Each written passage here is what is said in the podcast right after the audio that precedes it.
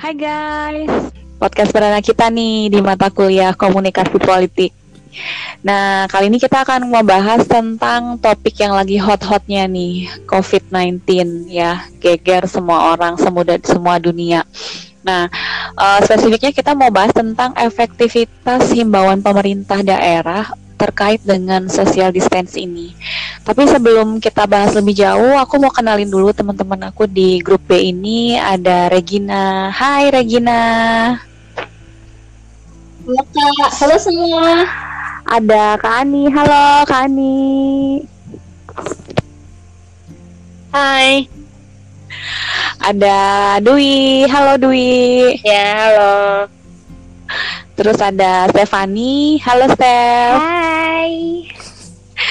Nah, ada Karut. Karut, hai. Hai, hai semua. Nah, nah aku dengan aku sendiri dengan Mary. Nah, kita langsung mulai aja nih pembahasan kita kali ini. Nah, semua kita kan udah belajar nih di sesi 4 ya tentang gimana sih proses komunikasi linear itu dan komunikasi secara simultan dan sirkular. Aku mau tanya dulu nih ke Dwi. Kira-kira Wi, menurut kamu udah efektif belum sih uh, bentuk komunikasi pemerintah tentang kebijakan social distancing ini? Karena kan kalau kita lihat sosialisasinya juga kayaknya rada simpang siur ya terus uh, kebijakannya juga nggak barengan nggak serentak gitu. Jadi kadang masih banyak kelihatan kita lihat orang-orang masih pecicilan keluar keluar rumah gitu yang harusnya diam di rumah. Gimana wi? Pendapat kamu? Uh, terima kasih untuk Kameri sebelumnya. Jadi um, menurut saya sendiri ya mengenai epidemi COVID-19 untuk pemberitaan informasi serta himbauan tentang social distancing ini antara kurang efektif atau kurang cepat itu 11-12 deh ya.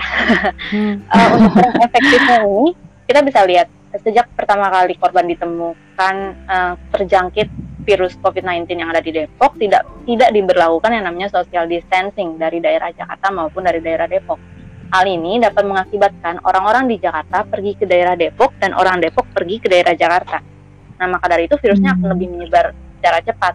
Apalagi kalau misalnya kita lihat kita ini orang awam, jangan lihat dari yang istilahnya orang berpendidikan atau bagaimana. Kalau orang berpendidikan mungkin dia bisa menyaring informasi, mendapatkan segala informasi yang sesungguhnya. Tapi kalau misalnya kita pikir kita sebagai orang awam menerima informasi dari pemerintah yang katanya mau membatasi uh, kegiatan dengan social distancing karena belajar dari negara lain.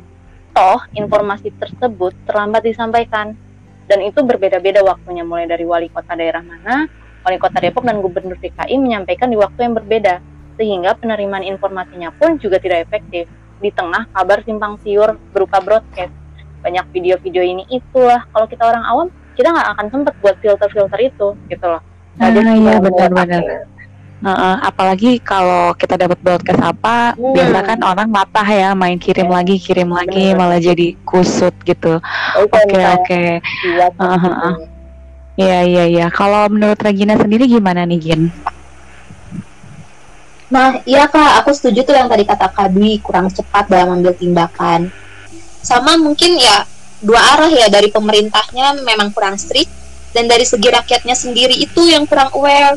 Jadi seolah cenderung menyepelekan yeah. gitu loh kak, ya pasti. Hmm, cara komunikasinya juga nih eh, bahasanya tuh kurang uh, dapat dimengerti oleh semua kalangan. Yeah. Kadang kan pemerintah menggunakan istilah WFA lah, WFH, lockdown, COVID-19 itu kan nggak bisa jadi tidak dipahami oleh semua kalangan. Uh. Kenapa nggak langsung ceplas-ceplos? Itu aku dapat meme lucu gitu. Yeah, Bilang aja ada wabah berbahaya gitu. Ada wabah berbahaya jangan keluar rumah. Belum ada obatnya yang ngeyel bisa sesak nafas sampai metal.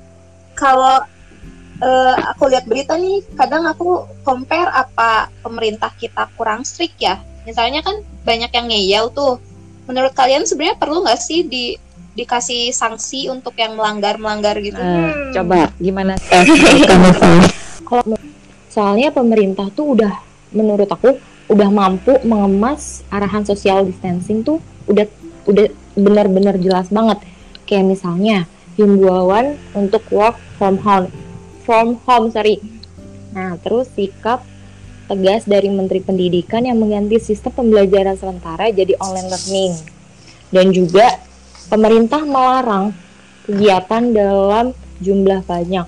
Itu kan bisa dilihat aja dari sekarang. Banyak banget kan konser-konser event itu ditunda. Bahkan kegiatan yang rutinitas kayak setiap hari minggu pagi Car Free Day semua pasti pada tahu dong Car Free Day di Bundaran HI itu juga ditiadakan karena kebijakan ini.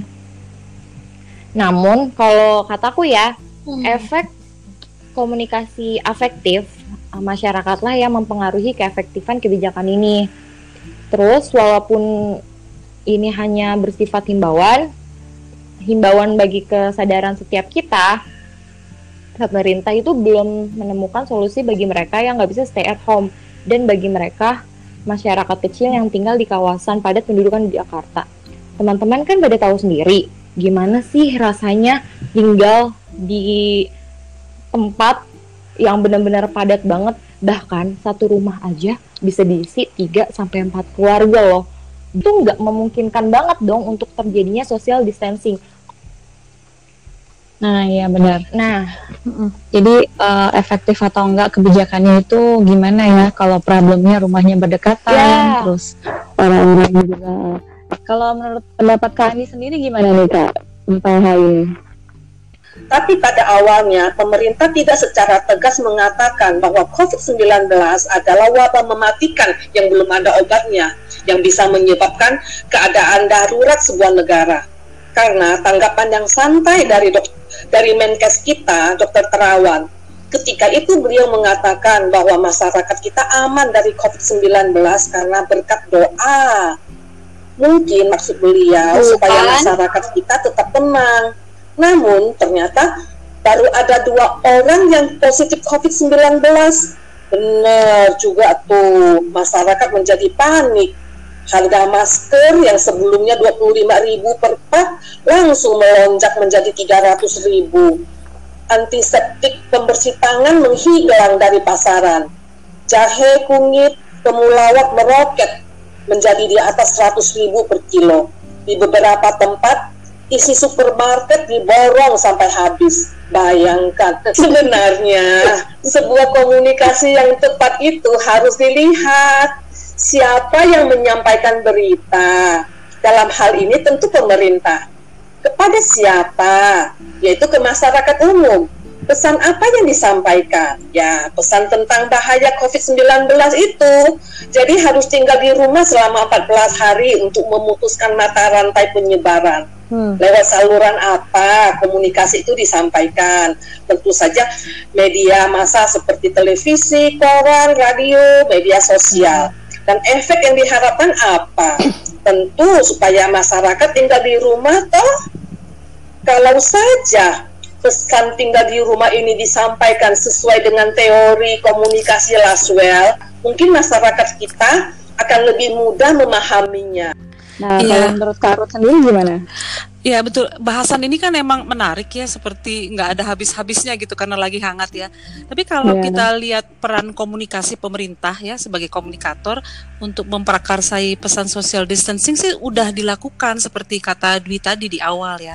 Cuman masalahnya kalau kita diskusi panjang tadi, Kak Egin sama eh, Kak Ani juga bilang pesan social distancing itu harusnya tuh lebih awal, lebih cepat disebarkan ke masyarakat dan sedapat mungkin pesan itu disampaikan dengan berbagai cara atau pembahasan yang dimengerti oleh khalayak Indonesia gitu ya kayak ya. uh, pilihan-pilihan uh, apa jargon-jargonnya gitu. Hmm. Jadi apa yang dikatakan, pesan apa yang disebarkan, eh. saluran apa yang dipakai dan efek apa yang diharapkan dari masyarakat tuh harus benar-benar cermat disiapkan gitu. Jadi nggak nggak cuman langsung uh, sebarkan berita. Nah, uh, saya juga berpikir selain pendekatan persuasi ya mungkin juga akhirnya perlu juga koersi gitu jadi ada uh, ketegasan gitu dari pemerintah um, sanksi gitu kalau nggak dilakukan social distancing. Nah tadi Stephanie juga bilang uh, solusi untuk social distancing sendiri itu belum komprehensif uh, untuk semua masyarakat. Uh. Nah, uh, contoh aja nih di Bandung ya, ketika meliburkan sekolah masing-masing sekolah tuh harus cari cara sendiri untuk proses belajar mengajar. Kalau misalnya mereka bisa daring gitu online ya bisa, tapi kalau nggak punya mau gimana gitu. Hmm. Ya gitu sih. Tapi ya gimana juga ya saya tetap acung jempol lah upaya-upaya pemerintah yang terus dilakukan sampai hari ini ya karena menangani epidemi sebesar dan secepat ini menyebarnya tuh nggak mudah gitu. Dan kita juga lihat uh, masyarakat tuh Iya, kan nggak semuanya kooperatif ya. Uh, Banget, udah dihimbau banget. juga gitu. Kayaknya masih bandel aja gitu ya.